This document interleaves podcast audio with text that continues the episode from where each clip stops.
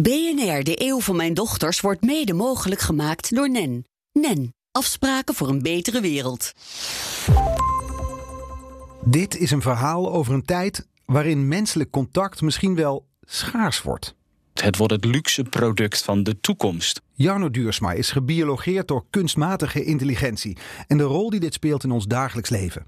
Het is ook een tijd waarin onze online communicatie geregisseerd wordt door een selectief gezelschap in Silicon Valley, het Unicode Consortium. Mark uh, Davis, dat is de baas van Unicode, die werkt zelfs voor Google. Lilian Stolk weet alles over de wereld van beeldtaal. Dit is de eeuw van mijn dochters. En in deze aflevering leren we alles over de communicatie van de toekomst.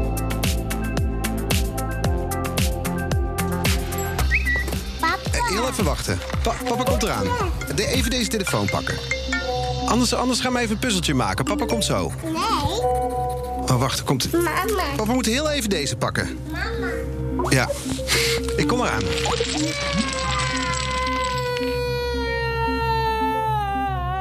Mijn tweelingdochters Puk en Keesje zijn 2,5 jaar oud. Het zijn kinderen van de 21ste eeuw. Een eeuw waarin alles in beweging is. We leven niet in een tijdperk van verandering, maar in een verandering van tijdperk. Dit is de eeuw van mijn dochters. Mijn naam is Jarno Duursma. Ik ben eh, trendwatcher eh, digitale technologie. Dus ik onderzoek de frontlinie van digitale ontwikkelingen. En in dat domein vind ik de interactie tussen technologie en mens ook super interessant. Als ik jou vraag, hoe hebben mijn dochters straks contact? Nou, je zult een aantal eh, trends zie je voorbij komen. Contact blijft. Dus we ademen, we leven, dus contact blijft. Het is inherent aan de mens dat we contact willen hebben met elkaar. Maar de kwalitatieve opkomst van kunstmatige intelligentie gaat er iets in veranderen. Bijvoorbeeld dat we meer tools krijgen om te communiceren met elkaar. We kennen het voorbeeld van de Amerikaanse Google Duplex, het systeem dat belt naar een kapsalon of een restaurant, volgens een soort beslisboom. Nou, dat soort tools zul je steeds meer zien. Ik hoef zelf niet meer te reserveren, dat kan ik gewoon uitbesteden. Correct. Ehm, standaard e-mailtjes zullen beantwoord worden door kunstmatig intelligente systemen. Dus als het systeem raadt, dit staat erin, het enige wat je nog hoeft te doen is even een tikje, klopt, en het systeem antwoordt namens jou.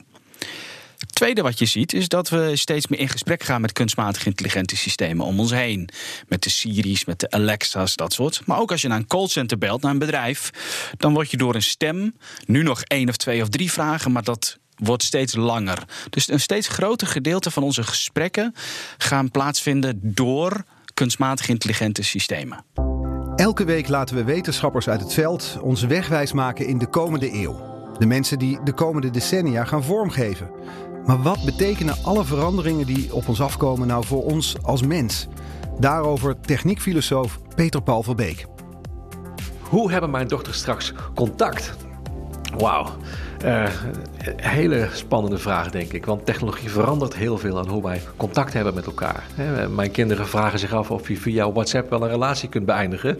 En eh, ooit vroegen we ons misschien wel af of een brief wel intiem genoeg was om de liefde te verklaren. Of je niet gewoon naar iemand toe moest gaan. Die media van ons contact doen iets met de aard van onze nabijheid. Hoe kunnen we denken over techniek in menselijk contact? Mijn naam is Peter Paul Verbeek. Ik ben hoogleraar filosofie van mens en techniek aan de Universiteit Twente en mededirecteur van ons Design Lab daar. Technologie speelt een steeds grotere rol in de communicatie tussen mensen. Niet alleen maar omdat je ook via WhatsApp een relatie zou kunnen beëindigen, maar ook omdat we via een robot op een andere plek aanwezig kunnen zijn, via een hologram op een andere plek aanwezig kunnen zijn, zelfs onze breinen rechtstreeks kunnen koppelen aan het brein van, van anderen. Dus het contact tussen mensen krijgt een soort nieuwe technologische infrastructuur. En van McLuhan kunnen we al leren dat de medium de message is. Hè. Het medium van de communicatie bepaalt ook voor een deel wat die communicatie inhoudt. Op wat voor manieren zijn wij straks nog bij elkaar? Nou, een van de centrale dimensies is misschien wel de diversiteit van de menselijke communicatie. In tijden van kunstmatige intelligentie wordt er eigenlijk steeds meer uh, uh, online direct vertaald van de ene taal naar de andere. Uh, gesproken woord, maar ook op schrift. Wat gebeurt er met de kleine talen in een wereld waarin dat zo makkelijk wordt? We klagen nu soms al over de verengelsing. Wat blijft er nog over van het Nederlands in deze wereld? En misschien een heel andere dimensie die steeds verder opkomt, is het communiceren met digitale entiteiten. De voice assistants, zoals we ze noemen. Siri of Alexa. We zijn hele discussies eigenlijk over de manier waarop we die stemmen moeten ontwerpen. Want die stemmen hebben vaak een vrouwelijke uitstraling, zijn ook vaak heel onderdanig, geduldig. En als je hoort hoe die worden uitgescholden, misbruikt, hè, dan zitten daar allerlei hele akelige genderaspecten in, die je eigenlijk denk ik niet zou moeten willen als een samenleving, waardoor er allerlei discussies opkomen of Syrië niet wat weerbaarder moet worden tegen kerels die alleen maar schelden en schreeuwen. En in die zin wordt het ontwerpen van voice assistants eigenlijk een soort spiegel voor de menselijke moraal en een poging om wat fatsoen aan de mensen bij te brengen misschien. Enfin, hele grote thema's en ik ben heel benieuwd wat mijn medewetenschappers daarover zullen zeggen. Je ziet al dat, dat uh, technologie om bijvoorbeeld te chatten met eh, AI, ja, dat wordt al steeds beter. Is nog niet perfect, maar uh, geef dat nog eens een keer tien jaar. En dat, dat, is, dat is in staat om gewoon, zeker via een beslisboom, een gesprek te hebben met mensen. Dus kunstmatig intelligente software wordt met tekst of met spraak in staat om contact te hebben met jouw dochters. Eigenlijk gaan mijn dochters dus niet alleen contact hebben met mensen, maar ook met systemen. Wat zijn de gevolgen daarvan? Dat we op die manier communiceren. Het positieve gevolg is, is dat dingen efficiënter, sneller, makkelijker en meer on-demand Dus wanneer jij dat wil, in welke context, et cetera. Net zoals nu een heel simpel voorbeeld. WhatsApp is on-demand. Je kunt het zelf checken wanneer jij wil en antwoorden wanneer jij wil. Nou, dat is zeg maar de positieve kant. Dus dingen gaan sneller, makkelijker, efficiënter, et cetera. Aan de andere kant zie je is dat menselijk contact daardoor steeds schaarser wordt. Het wordt het luxe product van de toekomst.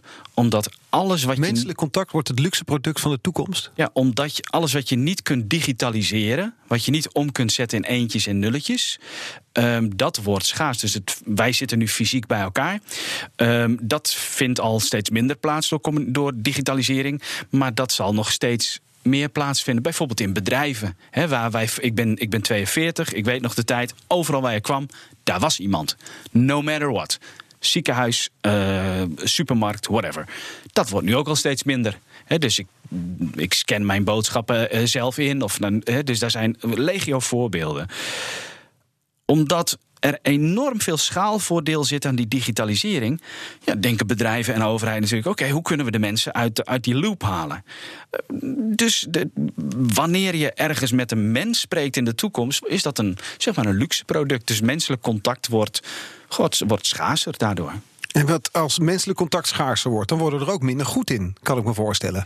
Nou, dat is grappig dat je dat zegt. Want dat, dat, je, je, je zou dus kunnen zeggen, als we minder mogelijkheden hebben om dat face-to-face contact met elkaar te onderhouden. Dan heb je dus ook minder trainingsmateriaal, minder momenten waarop je kunt oefenen. Voor jonge mensen, voor oudere mensen, waarin je het kunt onderhouden. Als we 30 jaar teruggaan naar Nederland, uh, dan zie je dat we elkaar fysiek veel meer spraken. En dat je kon ook meer oefenen. Um, als je kijkt naar de generatie van nu tieners. Um, ja, ik, ik hoor dat van heel veel professionals om mij heen. Dat ze het wat lastiger vinden om een face-to-face gesprek te hebben. Dat ze dat uh, gewoonweg wat spannender vinden. Maar dat ze ook minder gewend zijn aan de ongemakkelijkheden die in zo'n gesprek soms plaatsvinden, omdat ze überhaupt minder gewend zijn aan ongemak, omdat alles steeds meer on demand is. Dus jouw punt... Dat is toch wat ons juist mens maakt? Of ben ik nu een heel erg romanticus? Eh, ik ben het roerend met jou eens. Dus wat, wat is de trend die je ziet? Even helemaal vanaf het begin. We gebruiken steeds meer kunstmatig intelligente software. We gaan steeds meer in gesprek met kunstmatig intelligente systemen om ons heen. Bedrijven weten steeds meer van ons. En menselijk contact wordt dus uh, schaars. Wat mijn zorg is, en, en, volgens mij doel je daar ook op, is dat we dingen uitbesteden in dat menselijk contact, waarvan we dan along the way zeggen: Oh, dat was eigenlijk best wel belangrijk of nuttig, of, of uh, dingen die niet kwantificeerbaar zijn, die doen we dan weg. En dan na verloop van tijd denken we: Oh, wat zonde eigenlijk, want het was super belangrijk. Net zoals dat, uh, we weten ah, ik weet het nog toen ik tiener was, een student. Als ik jarig was, kwamen er gewoon mensen langs. Waar gewoon echt visite. Of mensen stuurden een kaart of wat dan ook. En nu, ja, dan krijg ik een heleboel appjes en, en sociale media berichtjes. En, en dan zijn er twee mensen, zeg maar, uh, die mij bellen. Uh, en nou ja, er komt dus af en toe, ik nodig natuurlijk wel mensen uit. Maar je snapt een beetje wat ik bedoel. Hè? Uh, het, het, we moeten voorkomen dat we uh, uh, menselijk contact gaan uitbesteden aan kunstmatige intelligentie. En dat we dan along the way erachter komen: God, dat was toch veel waardevoller dan gedacht. Concreet voorbeeld. In Amerika zijn er heel veel mensen met zo'n Alexa-device, zo'n spraakassistent. En die kan allerlei dingetjes. Kan, kan, die kan je het nieuws voorlezen, een verhaaltje vertellen, de sportuitslagen met je delen, een puzzeltje, een raadseltje, et cetera. Dus voor heel veel senioren is dat um, uh, een, een, gedeel, een groot gedeelte van hun persoonlijk contact is met zo'n Alexa-device. Nou, wat is de trend van de komende jaren? Die software wordt steeds intelligenter, steeds empathischer. Snap steeds beter wie wij zijn, wat we doen, waarom we dat dan doen, waarom we dat belangrijk vinden. Dus die kwaliteit van die devices gaat vanzelfsprekend omhoog. Het risico is een beetje dat we dus, net zoals sommige ouders aan hun kinderen de smartphone geven, dan zijn ze zoet, dat we dat bijvoorbeeld met onze ouderen gaan doen. Dat ze een spraakassistent, een digitale assistent krijgen als een soort surrogaatcontact. Zodat wij niet meer op bezoek hoeven elke week. Bijvoorbeeld, ja. Een toekomst waarin menselijk contact schaars wordt. Waarin we het steeds moeilijker vinden om niet via een apparaat contact te hebben, maar direct. Dat voelt als een verschaling. Dat voelt alsof we menselijke waarde gaan verliezen. Hoe gaan we dat voorkomen? De oplossing is dus um, heel erg kort door de bocht, is dat we steeds meer mens worden. Dus dat we ons proactief blijven ontwikkelen in wat maakt ons nou tot mens. En dat betekent dat we uh, bewust het contact weer moeten opzoeken. Dat betekent dat we niet altijd moeten kiezen voor snel en gemakkelijk, maar gewoon de telefoon moeten pakken en elkaar bellen of bij elkaar op visite gaan. Dat betekent ook dat we moeten oefenen met wat ongemakkelijk soms is in een vriendschap, in een relatie met je buren of met je partner. We, we, we drijven meer op macroniveau steeds meer af naar waar ongemak uit ons leven verdwijnt door steeds slimmere software. Terwijl volgens mij moeten we dat ongemak juist steeds opzoeken, omdat we daar niet alleen als persoon, maar ook met z'n allen van groeien. En met ongemak bedoel je dat je tegenover elkaar zit en elkaar misschien eigenlijk niks te zeggen hebt? Niks te zeggen, je begrijpt elkaar niet, is ook ongemak. Of gewoon dat gesprek heel vaak ook wat awkward is. We zijn allemaal wat onzeker, het is altijd een beetje zoeken. Uh, uh, niet iedereen is superster in communicatie of sociale interactie. En dan is zo'n apparaat een uitkomst. Correct. Want dan wordt het vlekkeloos. Correct. En, en wat, wat je dus zult zien, als een gedeelte van die mensen, die gaan meer communiceren met AI-systemen. Die gaan chatbots uh, gebruiken waarmee ze een soort surrogaat-vriendschap zullen ervaren. Um, ja, dus die, die ontwikkeling die is wel gaande. Dat een gedeelte van de mensen denkt: hé, hey, ik pak mijn surrogaatcontact, want daar heb ik wel de lusten en voor mijn gevoel niet de lasten. Hebben mijn dochters straks ook AI-vrienden dan? Ik kan het me nog niet voorstellen. Volgens Jarno zullen ze zeker een soort virtuele assistent hebben die taakjes voor ze doet, die leuke grapjes maakt. Om echt te spreken over een vriendschap is een tweede, want dat vereist bewustzijn. Machines kunnen heel goed contact feinzen, doen alsof, maar ze kunnen niet echt contact maken. Want voor contact heb je bewustzijn nodig. Heb je geen bewustzijn, kun je niet contact maken. Betekent niet dat die scheidslijn tussen echt en nep steeds dunner wordt. Um, je ziet dat bij, bij, bij een aantal mensen vereenzelvigen zich heel makkelijk met iets. Dus dat, dat zal wat opschuiven. Uh, mensen zullen nog steeds vriendschap houden. Dat is inherent aan de mens. De definitie van vriendschap zal iets veranderen. Hè? 30 jaar geleden zag je elkaar heel vaak. Nu is dat natuurlijk steeds minder. Ook omdat in ons leven is alles steeds meer on-demand geworden. 30 jaar geleden was je gewoon om vijf uur vrij. En dan waren al je vrienden ook om vijf uur vrij. Nu is dat door een aantal omstandigheden ook minder. Um, dus die vriendschap die blijft, alleen verandert daar iets in. Maar nu is wel het moment om dat van een afstand te bekijken en denken: wat willen we daar nou eigenlijk in? Laten we ons verleiden door alle technologische mogelijkheden van communicatie? Of gaan we back to basic? Even een bakje koffie bij elkaar. Als ik Jarno goed beluister, moet ik mijn dochters vooral ook dat menselijk contact laten opzoeken. Maar spreek ik straks hun taal nog wel?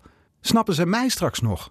toen ik tiener was, toen had ik ook straattaal, stopwoordjes, grapjes, dingen van televisie waar mijn ouders niet naar keken. Nu is dat met, die, met internet memes en TikTok dingen, weet ik wat, dat is, dat is hetzelfde.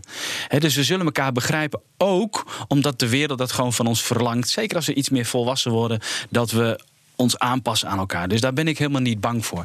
Waar ik meer bang voor ben, is dus ten eerste dat we steeds meer van dat wat daadwerkelijk ertoe doet in menselijk contact uitbesteden aan kunstmatig intelligente systemen.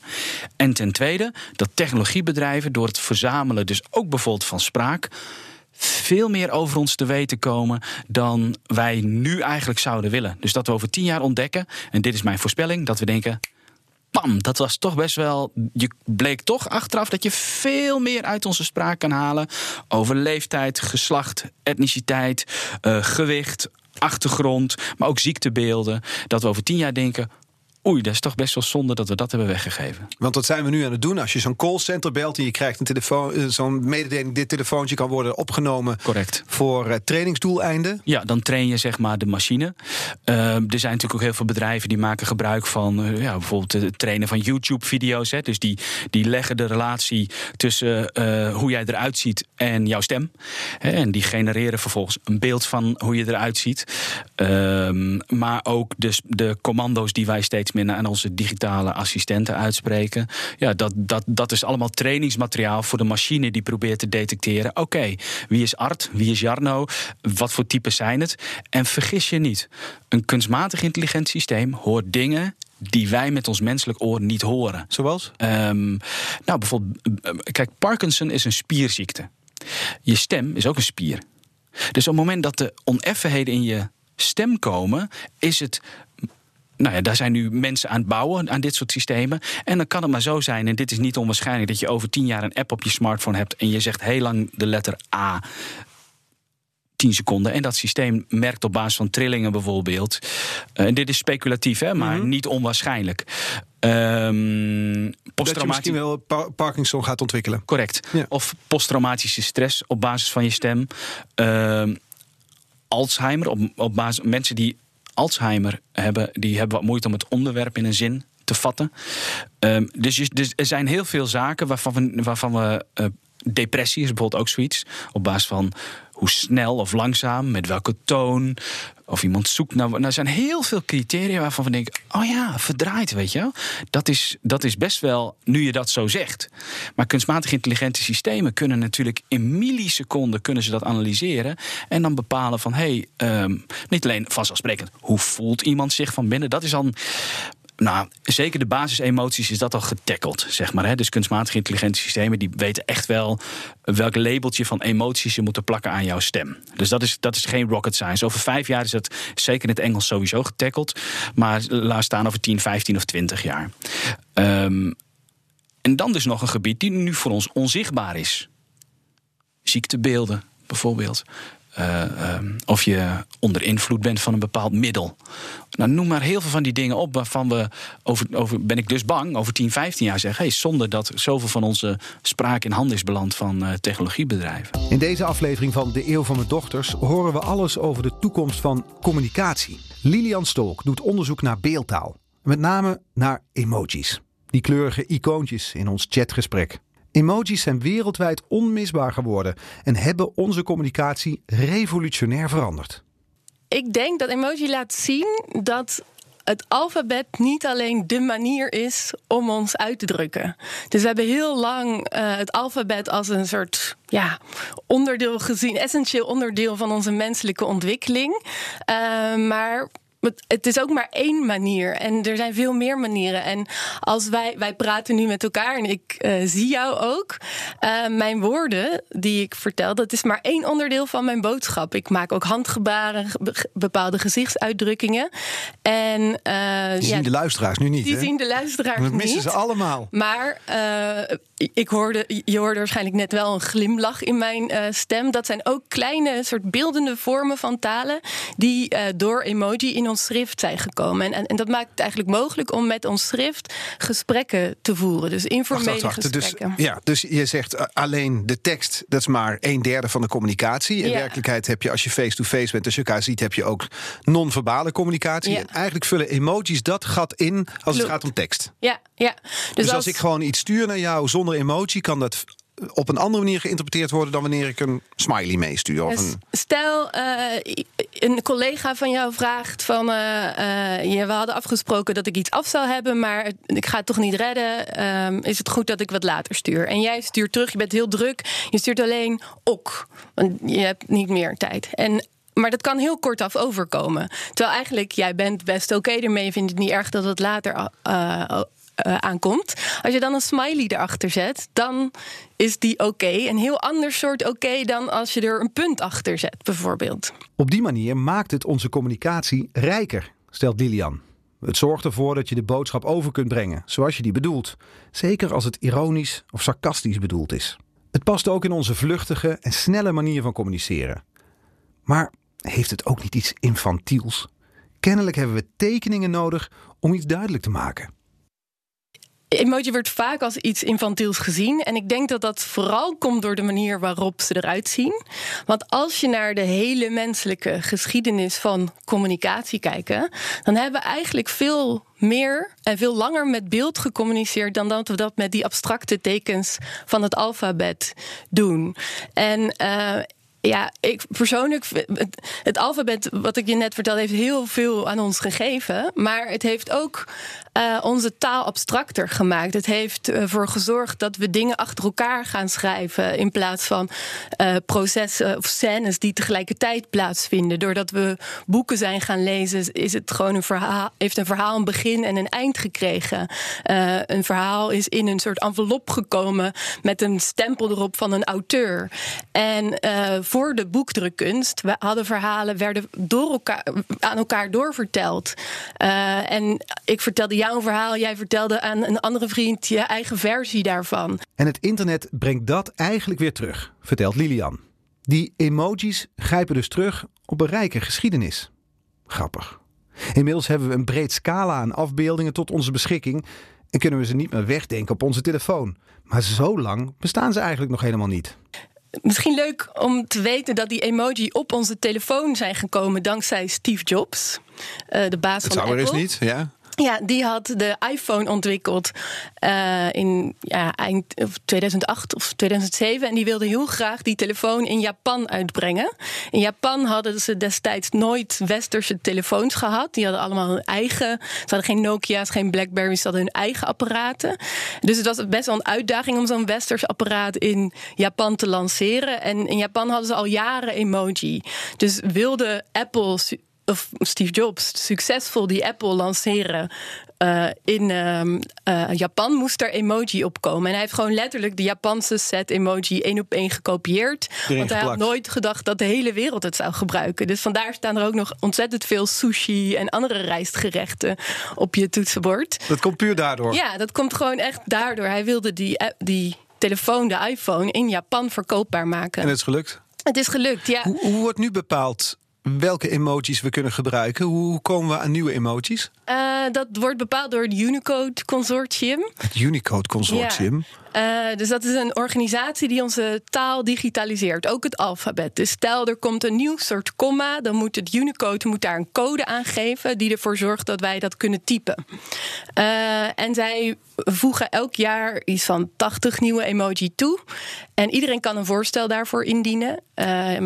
dus je kan zelf een documentje maken waarin jij zegt: Ik vind het belangrijk dat er een. Um, ja, wat voor de Brabantse vlag De vind ik Brabantse heel vlag, belangrijk. Ja, vind ik, ja nou, dan moet je een heel document maken waarin je echt een case ervan maakt dat, uh, dat het belangrijk is dat die er komt. En dan gaan zij daarover vergaderen. Um, Welke emojis hebben het de laatste jaren gehaald bij die Unicode-vergadering en we welke niet? We krijgen binnenkort toevallig um, een oester erbij. Um, een, uh, een mate-emoji, is een drankje. Uh, een roze flamingo. Ja, daar zat ik op te wachten. Ja. Ja. Welke het niet hebben gered is uh, een menstruatie-emoji. Uh, het wietblad, dat is het, meest gevaak, het vaakst geweigerde uh, symbool. Het wietblad. Ja. Um, Maar dat komt er niet doorheen, want wie zijn degene, wie zitten er in dat comité die beslissen welke emojis wel en niet er doorheen komen? Uh, ja, dat zijn een paar mensen, witte mannen, dat is ook opvallend, vind ik. Uh, en die, uh, ja, die bepalen dat en die werken ook nauw samen met die grote techbedrijven. Dus die, Mark uh, Davis, dat is de baas van Unicode, die werkt zelfs voor Google. Het zijn dus uiteindelijk de grote techbedrijven die beslissen welke emojis wij gebruiken en welke niet. Vier keer per jaar komt het Unicode Consortium bij elkaar om het daarover te hebben. Dit selectieve gezelschap, afgezanten van de grote techbedrijven zoals Google, Apple, IBM, Facebook, geven de taal en infrastructuur van de online wereld vorm en inhoud. Is het een vorm van censuur dat bijvoorbeeld een wietblad er niet doorheen komt, vind je? Ja, ik vind dat wel. En dat is wel mooi, want je vroeg me net wat de, hoe de toekomst van emoji eruit gaat zien.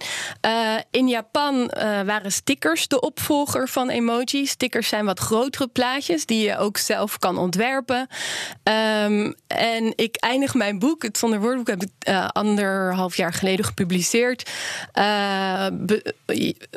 Eindig ik eigenlijk met, ja, misschien wordt dit ook wel onze toekomst. Maar ja, Japan, die is, daar zijn ze al gewend aan in met beeld communiceren. Dus ja, het was moeilijk te voorspellen. En uh, inmiddels is dat inderdaad hier ook de opvolger van emoji geworden. Stickers. Uh, ja, en dat is gekomen sinds WhatsApp vorig jaar, precies een jaar geleden, uh, stickers is gaan ondersteunen. Want voor die tijd was het heel moeilijk om stickers te versturen. Maar sinds WhatsApp dat mogelijk heeft gemaakt, doen we het ook. En WhatsApp is nu eenmaal de app waarbij vooral mee chatten. En zeker een jongere generatie uh, tieners, die, uh, die versturen super vaak uh, stickers. En juist met die, die symbolen die er in dit, dat door techbedrijven bepaalde emoji-toetsenbord niet zitten. Maar weet je wat het mooie is? Want die techbedrijven, jij zegt ik zie het als een vorm van censuur, dat zo'n wietblad er niet doorheen komt. Tegelijkertijd ja, er wordt dus door een comité besloten welke emoties er wel mogen en welke niet. Het ja. wietblad mag niet. Maar tegelijkertijd weten we bijna allemaal, denk ik, wat de aubergine echt betekent. Klopt. Of de persik. Dus ja. we, we kunnen ook zelf betekenissen toevoegen Zeker. aan emoties. Ja, en dat uh, zou ik ook aanmoedigen. niet weten, zoek het even op trouwens hoor. Dat moedig ik ook aan. Ik zou het niet erg vinden als die emojis, hè, dat zijn er nu 3000. En er komen wat Unicode betreft alleen maar bij. Uh, er gaan er niet weg. Dus we hebben ook nog ontzettend veel soort gekke Japanse tekens uh, op dat toetsenbord. Uh, en ik moedig inderdaad aan. Doe, er zijn ook heel veel emoji die we nauwelijks gebruiken. Laten we die dan een nieuwe betekenis geven. En als we dat met z'n allen dan uh, gaan gebruiken, dan. dan we hebben misschien wel helemaal geen tekort. Er komen dus tig nieuwe tools aan waarmee we in de toekomst contact met elkaar hebben. Het is ook goed om ons te realiseren waar dit allemaal vandaan komt en welke effecten het heeft. De communicatie in de online wereld wordt geregisseerd door beursgenoteerde bedrijven in Silicon Valley. Toch interessant wanneer je bedenkt dat we dagelijks 7 miljard emojis naar elkaar sturen. Persoonlijk contact lijkt door al die digitale mogelijkheden ondergesneeuwd te worden. We zoeken het steeds minder op. Slimme apparaten nemen de ongemakken, die nu eenmaal horen bij menselijk contact, van ons over. Het advies? Houd je kind niet uit die fysiek soms ongemakkelijke wereld. Dus, Puk en Keesje, volgende keer zelf even je bestelling doorgeven wanneer we chocolademelk gaan drinken. BNR, de eeuw van mijn dochters, wordt mede mogelijk gemaakt door NEN. NEN, afspraken voor een betere wereld.